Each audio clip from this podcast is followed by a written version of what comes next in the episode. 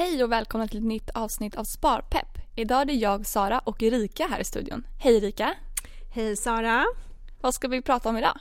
Ja, i det här avsnittet så kommer ni få träffa Athir Gatami från AI-podden och Johan Trocmé från Nordea. Och de ska prata om artificiell intelligens och sparande. Det låter väl intressant? Jättespännande. Ska vi köra igång? Yes, det gör vi.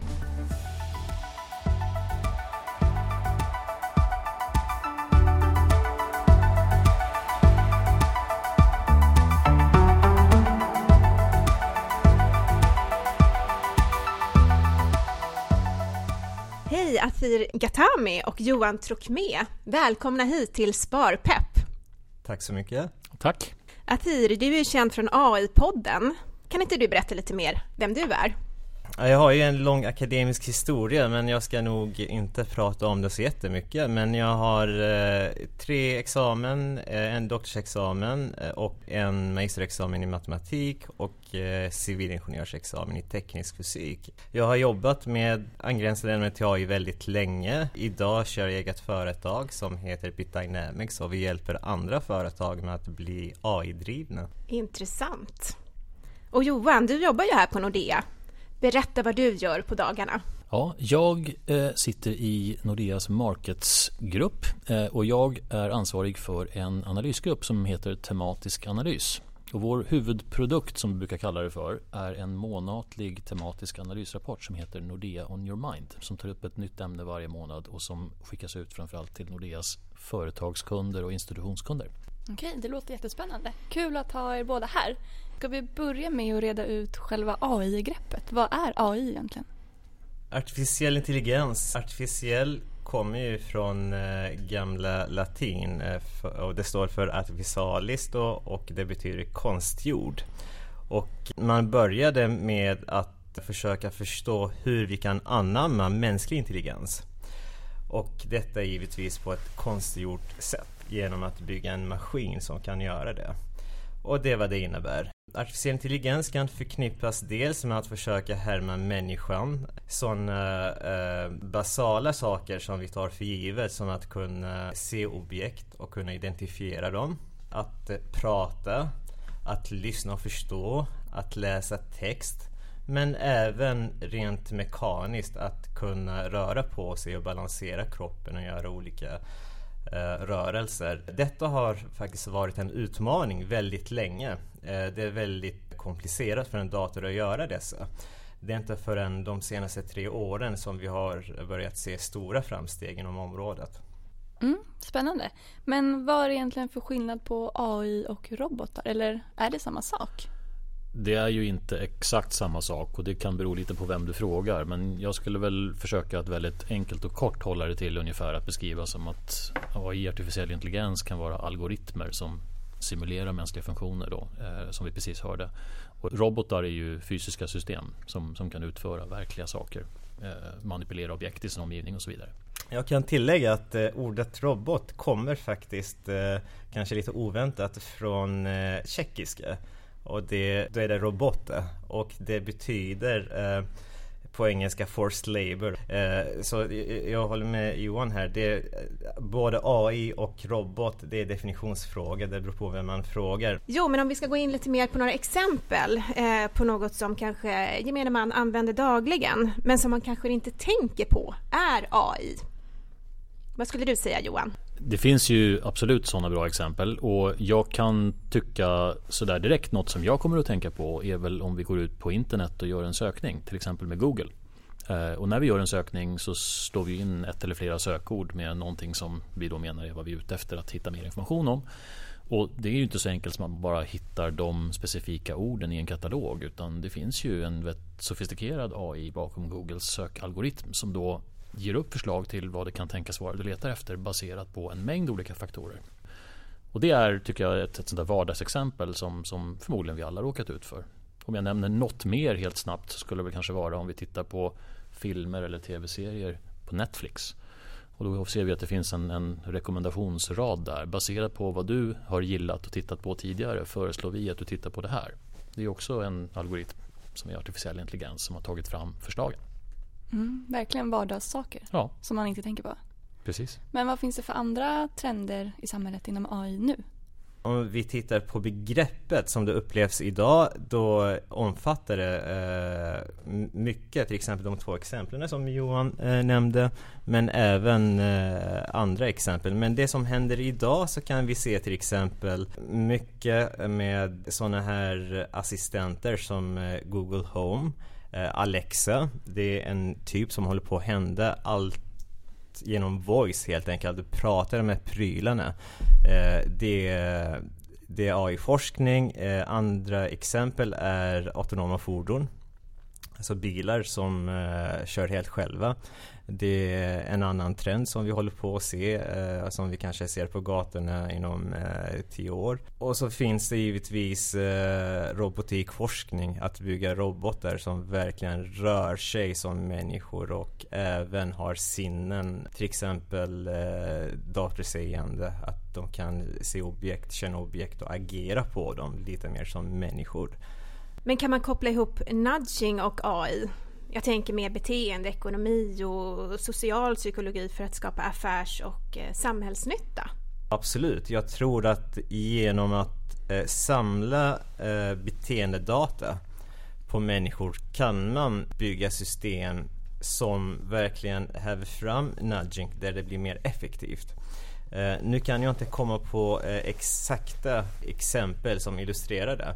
Men jag tror att det finns eh, mycket man kan göra. Till exempel det exemplet som har nämnts i samband med Nobelpriset. När vi bokar resor så kan man ha ett eh, grönt alternativ eller eh, ett icke-grönt alternativ. Och förr så var man tvungen på att klicka det gröna alternativet för att välja det. Och det gjorde man inte det, inte för att man är ond, men ja, man var tvungen att klicka. Eh, sen gjorde man att man bytte på det, så att man var tvungen att klicka bort det gröna alternativet istället. Och då såg man att eh, antalet eh, personer som valde det gröna alternativet ökade. För att de helt enkelt inte klickade bort det. Så genom att verkligen eh, studera mänskligt beteende genom att samla massa data så kan man verkligen förstärka den typen av system. Mm, jätteintressant. Man pratar ju lite grann om ett begrepp som heter psykonomi idag också. Men jag tänker Johan, vi ska gå in lite grann på vad som händer inom bankvärlden kopplat till sparande och investeringar. För det är ju det den här podden handlar om, sparpepp.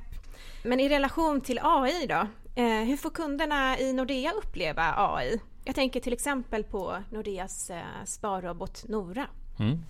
Det finns ju ett antal olika användningar av AI på Nordea och för den delen på andra banker och en del är interna som våra kunder inte ser utan det handlar om våra egna processer och hur vi, hur vi genomför dem på ett effektivt och bra sätt och där AI kan vara till väldigt stor hjälp.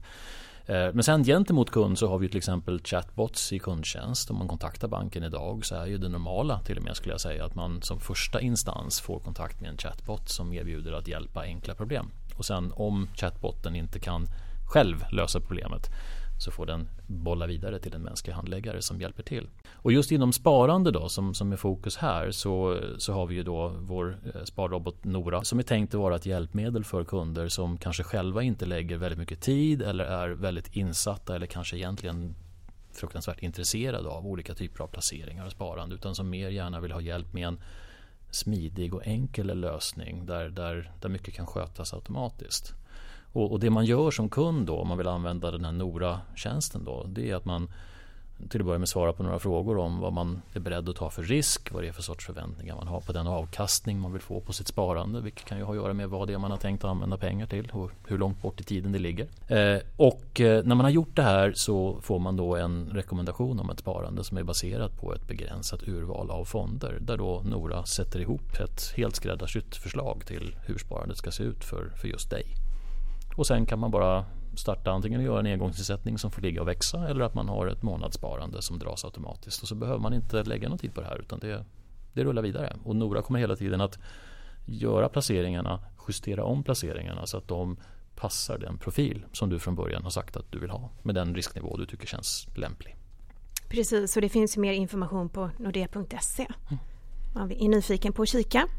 Ja, men hur tror vi att AI kommer påverka bank och finans framöver? Jag tänker om vi redan idag har sparrobotar. Mm. Jag tror att det kommer att påverka bank och finans väldigt mycket om vi pratar om den sektorn, den branschen. Jag tror att det kommer att påverka både internt i alla banker och finansiella institut. Eh, att man får olika hjälpmedel baserade på AI som kan göra det mycket av det man gör på, på banker idag mycket effektivare. Men jag tror att den, den riktigt, riktigt stora förändringen och framförallt om man är kund och man använder banktjänster. Det är det man kommer se lite längre fram. Inte det som ligger just det här året eller nästa år. Men det som kommer åren framöver i vad man får för hjälp av sin bank, vad man får för tjänster. Där jag tror att ett sånt där område, bara för att hålla det lite mer generellt, är att man som kund kommer att kunna få ett mycket mer individuellt anpassat erbjudande. Banken kommer att förstå bättre vad man gör och vad man behöver och på vilket sätt man kan få största möjliga och bästa hjälp. Mindre standard och mer skräddarsytt för individen. Där tror jag AI kommer att vara ett verktyg som verkligen hjälper banker att utvecklas i den riktningen. Mm. Så AI skulle till exempel kunna bli ett verktyg för att ta fram nya investeringsstrategier? Ja, det finns ju faktiskt redan idag eh, men kanske inte så mycket för den typiska bankkunden utan mer för institutioner och specialiserade aktörer. Men jag tror definitivt att det kommer fortsätta den riktningen gentemot eh, privatsparare också. Hur påverkas våra medvetna beslut kring eh, just sparande och investeringar av AI? Det här är svårt att se om. I och med att vi inte har det riktigt idag så vet man ju inte riktigt hur man tänker kring det. Men jag tror så här. Om vi skulle ha ett AI-system som används sig till 100% eh, som kan ge tips om hur vi ska lägga våra pengar i olika aktier, fonder eller sparande former.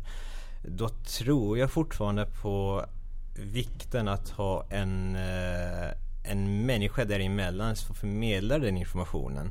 Så det kanske inte är eh, direkt eh, kunden som sitter och använder eh, det systemet direkt. Det skulle kunna vara. Men jag tror eh, i alla fall för den här övergångsperioden så kommer kanske kontakten på banken vara den personen som använder sig av systemet för att sondera eh, vilka alternativ som finns som därmed presenteras för kunden och så förklarar man varför det valet har gjorts och så med hjälp av AI-systemet. Så man kan se eh, artificiell intelligens eh, som assistent till banken och inte att den ska ersätta eh, de som jobbar på banken direkt. Jag tror inte på det i, vid det här skedet i alla fall. Jag, jag håller med dig där att, att tittar man de närmaste åren så kan det nog mycket handla om att det blir ett verktyg för de personerna som har hand om den mänskliga relationen och den mänskliga kontakten.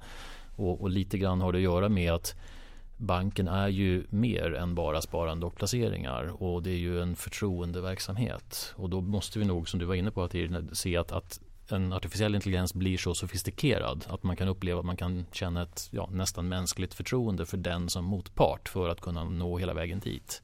Däremot kommer det finnas sparare, kunder som är intresserade av den typen av lösning. Att kanske låta en AI ta hand om ens sparande och placeringar. Men då, då söker de efter den tjänsten specifikt. Men, men då kanske det inte är bank bankmotparten de ser i första hand utan, utan mer för just det intresset, för det behovet separat. Men när vi är inne lite på det, det är ju många som känner att man faktiskt vill ha den här mänskliga faktorn, att man känner att det är en person man vill prata med. Och att den känner av hur jag känner, känner jag mig ledsen, känner jag mig glad och reagerar på mina känslor. Men hur kommer det se ut framöver? Kommer man någon gång inte kunna märka någon skillnad på AI och en verklig människa, vem det är man pratar med? Frågan är vilken tidshorisont vi tittar på. Eh, jag tror att vi kommer att nå dit någon gång. Frågan är när.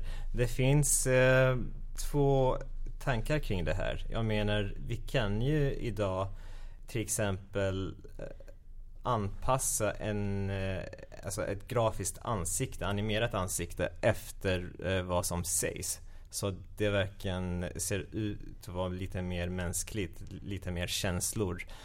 Men problemet ligger ju fortfarande att vi inte riktigt vet hur den mänskliga hjärnan fungerar. Vi vet inte riktigt hur det mänskliga språket är konstruerat så att vi verkligen kan hålla en konversation.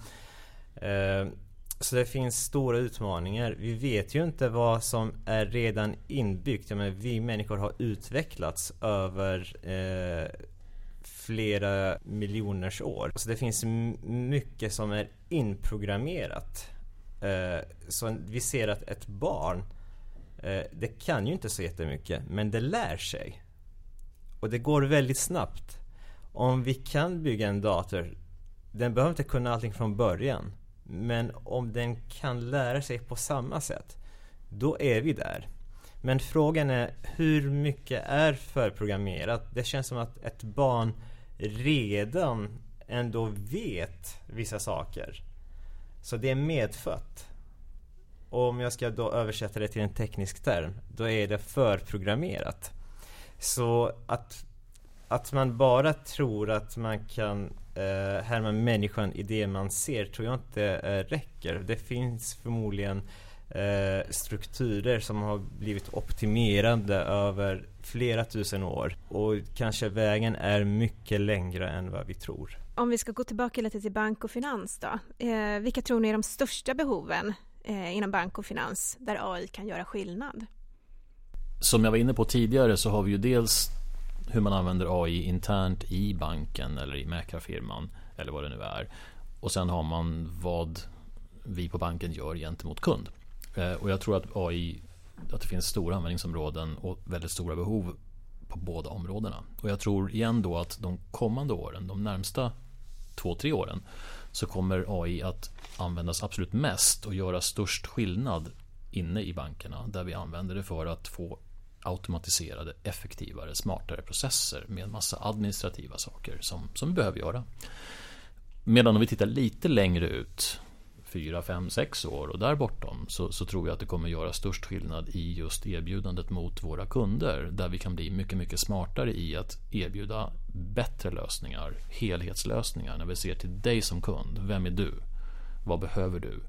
Vi kan titta på vad gör du? Vad köper du? Hur använder du dina pengar? Det finns ju enormt mycket data och det är ju inte bara i bankvärlden, det är ju i hela samhället idag. Eh, I och med att vi alla nu lever så stor del av vår vardag online. Och då, det lämnar ju ett spår. Det finns en väldig massa data att analysera och det är det som AI kan använda till att lära sig och bli bättre. Och det är det som har gjort att många AI-algoritmer har blivit bättre. Där tror jag bankerna kan, kan utveckla sina tjänster enormt för att bättre anpassa dem till just dig och vad som är viktigt för dig och vad du behöver istället för att det finns standardtjänster som är samma för alla. Mm. Men vad tror vi är nästa steg inom AI? Vi var ju lite inne på tidigare med bilar, självkörande bilar. Men finns det något annat vi kan hålla utkik efter de närmaste åren? Om vi ska ta trender som är relaterade till eh, bank och finans eh, så utöver det som eh, redan nämndes så tror jag på system som kan göra en omvärldsanalys på ett sätt som överträffar eh, människor. De flesta företagen, inklusive banker och och andra finansinstitutioner, använder sig av de smartaste analytiska personerna för att hålla koll på den komplicerade världen. Så vi pratar om att investera i aktier eller fonder. Det är ju inte bara att följa matematiska formler utan det är faktiskt eh, ännu mer vad som händer i politiken och i samhället och allt möjligt. Och det är ju väldigt komplext. Så vi människor kan göra en liten del men en dator kan skala upp på ett helt annat sätt. Så eh, jag tror till exempel eh, system som kan verkligen eh, läsa igenom inte bara media i form av tidningar men även social media där det exploderar. Där kan man faktiskt se vad människor känner och tänker. För till exempel, tänker du på aktiepriset? Det är inte alltid rationellt. Det är inte verkligen värdet på företaget utan det är den uppfattningen uppfattade värdet av eh, eh, företaget. Och det kan man faktiskt få eh, en känsla av till exempel genom att kolla vad som sägs i Twitter. Så den här typen hanterar komplexitet på ett sätt som vi människor inte kan göra. Jag tror att det är en stor tillämpning. Johan, vad säger du? Och om jag tittar lite på vad vi arbetar med på Nordea Research här på Nordea idag. Eh, vi försöker också utvecklas så det är klart att den här teknologiska utvecklingen som är väldigt snabb påverkar ju oss och våra kunder. Och vi håller på att försöka lägga till kompetenser inom de här områdena för att börja, lite som du beskriver här, att i, i vår analys också. Eh, den traditionella analysen finns där, den kommer vi fortsätta använda men vi vill lägga till som ytterligare verktyg för att öka vår förståelse kunna hitta annan information som också ligger till underlag för kommer aktier eller obligationer öka eller sjunka i värde genom att söka på nätet, eh, kanske sociala medier och liknande. Så jag tror inom rådgivning kommer det här kunna bli väldigt viktigt, väldigt stort. Inte riktigt idag att det ännu är där, att det har fått det stora genombrottet på bred front, men det ligger nog inte så våldsamt långt bort. Men vad tycker ni är det viktigaste att ta med sig från det här avsnittet?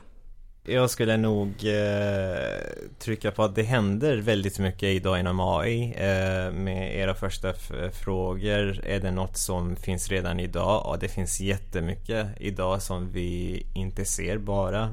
Vi ser att saker som händer med eh, självstyrande eh, fordon eh, men även de här eh, Eh, assistenterna som eh, Google Home och eh, Alexa att vi kommer förmodligen prata med våra prylar och med datorn mycket mer än vad vi gjort förr. Och vi kommer att bli mycket mer datadrivna och mycket av den här komplexiteten kommer att vara hanterbar så småningom. Saker som vi, vi såg med internet plötsligt så hade vi tillgång till mycket mer information. Det är så lätt att ta reda på vad som är rätt och vad som är fel. Eh, visst finns det ju alltid felaktiga saker i internet också, men i stort. Men sen har informationen exploderat och vi kommer se att eh, den här explosionen kommer förmodligen att vara hanterbar med hjälp av AI. Vad skulle du säga Johan? Vad vill du skicka med lyssnarna? Jag tycker om man försöker att se den stora bilden så går ju utvecklingen väldigt fort. Eh, det kan kännas lite läskigt. En del kan tänka mer som filmen Terminator. Kan, kan AI bli självlärande? Kan det bli en, en, en artificiell intelligens som blir en riktig intelligens och kan ta egna beslut och tycker att vi människor är överflödiga? Det är en väldigt extrem utveckling. Men, men jag kan förstå att man kan tycka lite på temat kan robotar plötsligt komma och ta över våra jobb? Kan AI-algoritmer ta över våra jobb? Och det här är saker som, som vi säkert kommer att få se i samhället kommande år framöver här. Men jag tror inte att man ska se det som att det bara är hot och saker att vara rädd för utan att det finns också väldigt stora möjligheter. Och precis som själva internet som idag har blivit en väldigt stor och väldigt viktig, jag skulle säga nästan kritisk del för de flesta av oss på planeten i, i våra liv. Det är svårt att föreställa sig en vardag utan internet eller en smartphone eller en dator. Och, och där tror jag att AI kommer att bli en, en förlängning av det, en, en, väldigt naturlig del av det. Eh, och, och jag bara, om jag gör en personlig reflektion, när, när, när jag bodde i England eh, för ja, 15, drygt 15 år sedan vi skulle köra bil till Sverige på semester på sommaren. Då tog vi fram en, en jättestor Europakarta som vi hade med oss på papper i bilen och satt och tittade var vi var någonstans medan vi körde genom Europa upp till Stockholm. Och innan vi åkte så hade vi suttit och använt telefonkataloger i papper för att ringa runt och hitta hotell där vi kunde övernatta någonstans på vägen. Och det är ju nästan så vi kan sitta här i studion och skratta åt det idag. Det är ju helt idiotiskt. Tänk vad många timmar vi la på allt det här bara för att göra den här resan. Och idag kan vi ju ganska enkelt med den teknologi som redan finns, som ju är långt ifrån perfekt, använda en, en röstassistent till exempel i telefonen om jag tar Siri i min iPhone. Ge mig namnet på ett hotell i Düsseldorf och så har vi redan där en ganska god start som har gjort mycket av det som vi satt och bläddrade papper och höll på med i timmar då. Och det tycker man är en självklarhet idag? Ja. Man har ju glömt det där nästan med kartan. Ja, så vissa jobb, absolut, de kommer förmodligen inte att göras alls i samma utsträckning av människor längre om ett antal år. Och har man ett av de jobben, det är klart man har all anledning att känna sig kanske lite rädd och lite nervös. Men det kommer att finnas andra möjligheter och för oss alla tillsammans tror jag att det kommer att fria upp väldigt mycket tid och energi när vi får all den här hjälpen som gör livet lättare som vi då kan ägna till annat. Och det har jag så svårt att se att det inte skulle vara någonting bra för oss alla. Så jag är i grunden optimist. Det låter väl som en jättebra avslutning att eh, AI kan frigöra lite tid för oss alla och hjälpa till att göra lite medvetna val. Ja, absolut. Och tack så jättemycket Atir och Johan för att ni var med i Sparpepp. Och tack så mycket till er som har lyssnat. Tack så mycket. Tack. Ja, det är så himla spännande med AI och det känns som att man kan prata om det hur länge som helst. Men vill man veta mer om sparroboten Nora och komma igång med ett smart fondsparande kan man alltid gå in på nordea.se och läsa mer. Exakt. Och eh, har ni något speciellt ämne eller någon intressant gäst som ni skulle vilja lyssna på här i Sparpepp? Mejla gärna till sparpepp.nordea.se Ja, och så hörs vi snart igen. Hej då! Hej då!